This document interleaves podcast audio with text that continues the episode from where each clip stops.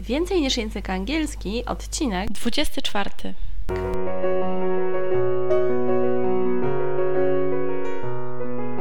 Witam Cię bardzo serdecznie. Nazywam się Ewa Ostaryk i jestem trenerem języka angielskiego. Sprawiam, że język angielski to przyjemność. Słuchasz podcastu Więcej niż język angielski, który został stworzony dla kobiet takich jak Ty, które chcą odkryć i pogłębić w sobie pasję do języka angielskiego.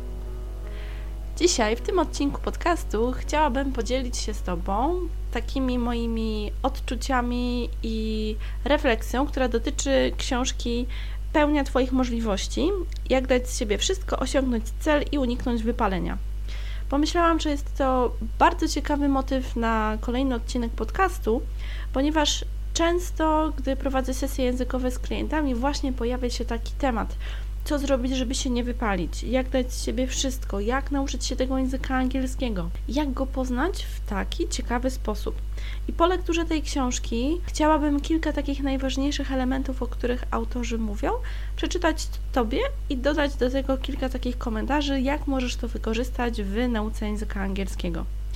Tutaj ta książka opiera się o takie badania różne, naukowe, które dotyczą na przykład sportowców, które dotyczą osób, które chcą osiągnąć jakiś konkretny cel. Na okładce tej książki możemy przeczytać, że wielozadaniowość daje nam iluzję efektywności. Autorzy tej książki, którą trzymam w ręce, przeanalizowali historię różnych naukowców, artystów, sportowców, którzy osiągają sukcesy i po takim przeanalizowaniu tych różnych elementów wywnioskowali, co z ich doświadczeń może mieć wpływ na to, aby być bardziej produktywnym, aby, aby wykorzystywać pełne możliwości, które mamy.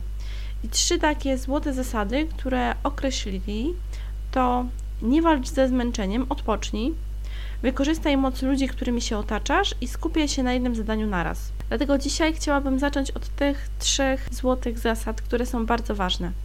Ile razy zdarzyło Ci się być zmęczona, ale to tak bardzo zmęczona, że nie wiedziałaś już do czego masz ręce włożyć przysłowiowo, bardzo Ci się chciało spać, ale gdzieś tam starałaś się może wypić kawę, może jakiegoś energy drinka i dalej działać. Autorzy tej książki podsuwają, że lepiej jest naprawdę odpocząć, ponieważ może to nie jest jakieś odkrycie Ameryki dla Ciebie, bo wiele osób o tym mówi, ale jeżeli jesteśmy bardzo zmęczeni, to nasza efektywność bardzo spada.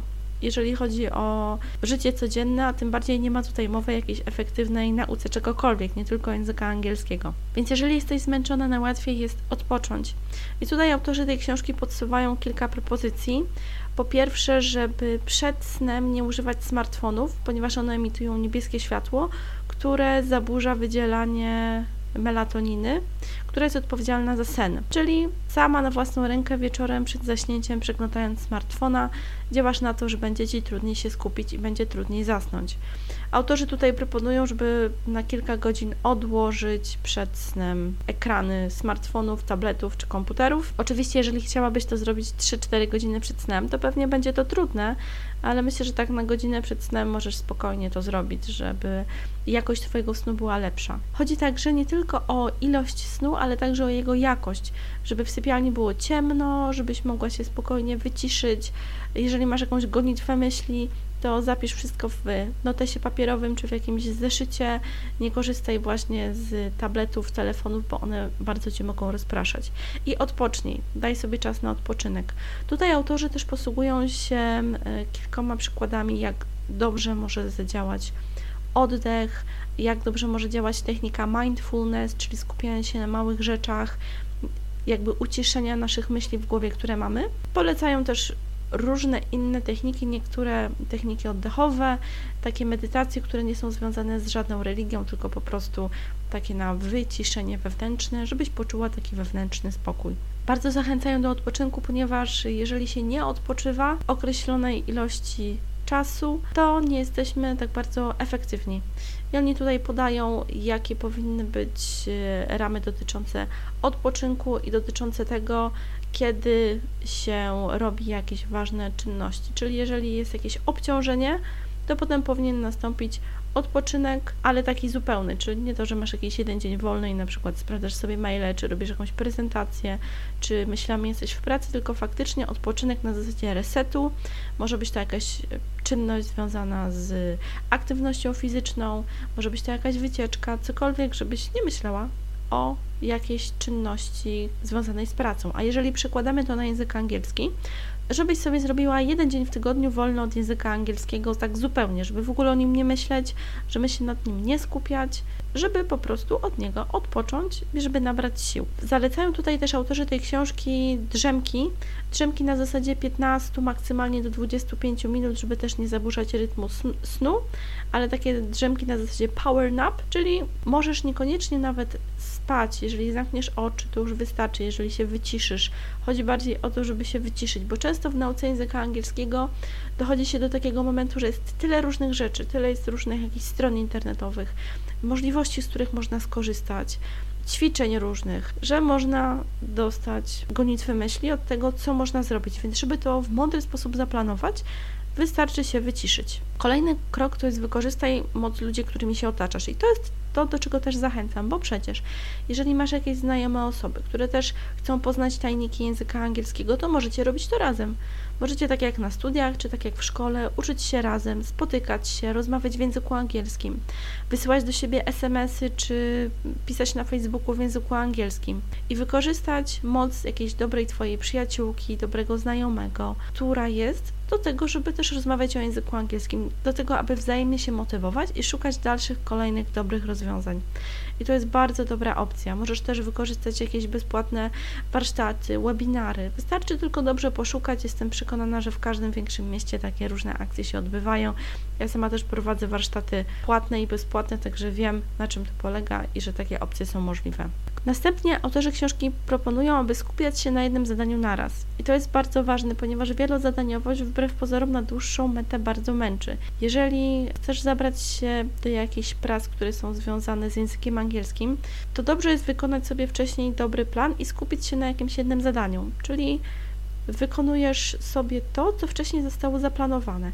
I żeby dojść do tego, żeby skupić się na jednym zadaniu naraz, to dobrze jest oczyścić swoją głowę z różnych myśli to po pierwsze możesz zrobić na kartce papieru, a jeżeli jest to coś związanego z angielskim, że masz wiele pomysłów na to, co możesz robić, jak wykorzystać swój czas, to też je wszystkie pozapisuj. Wtedy nie będziesz miała takiego poczucia, że o czymś zapomniałaś, ale łatwiej Ci będzie się skupić na jednym danym zadaniu.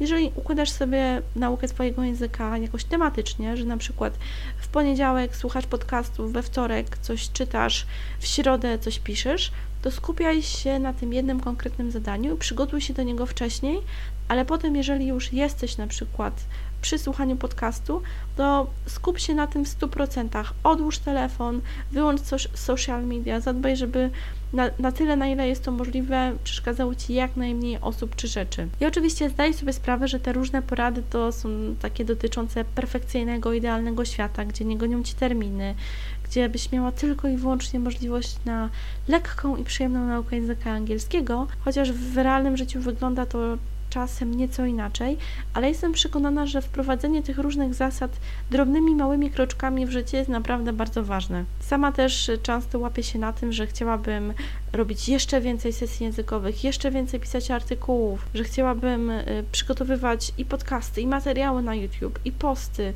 i jakieś współpracę z innymi wydawnictwami, ale wiem, że na dłuższą metę takie działania wielozadaniowe obniżają moją efektywność i wiem, że to działa, dlatego zasady, które są tutaj opisane w tej książce, można zastosować do każdej dziedziny życia. Dlatego bardzo Cię zachęcam, żebyś spróbowała zastosować je w Twojej przygodzie językowej do tego, żeby język angielski był coraz lepszy i coraz piękniejszy. Bardzo bym też chciała poznać Twoją opinię na ten temat. Co myślisz? Czy te porady typu nie walcz ze zmęczeniem, odpocznij, wykorzystaj moc ludzi, którymi się otaczasz i skupia się na jednym zadaniu naraz, są dla Ciebie przydatne? Jeżeli uważasz, że jest jakaś jedna osoba, której ten odcinek i te wiadomości, o których tutaj mówiłam, się przydadzą, to proszę wyślij jej link do tego odcinka podcastu.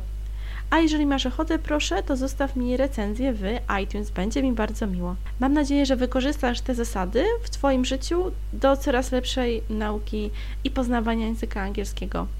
Bardzo Ci dziękuję, trzymaj się ciepło, do usłyszenia w kolejnym odcinku podcastu. Cześć!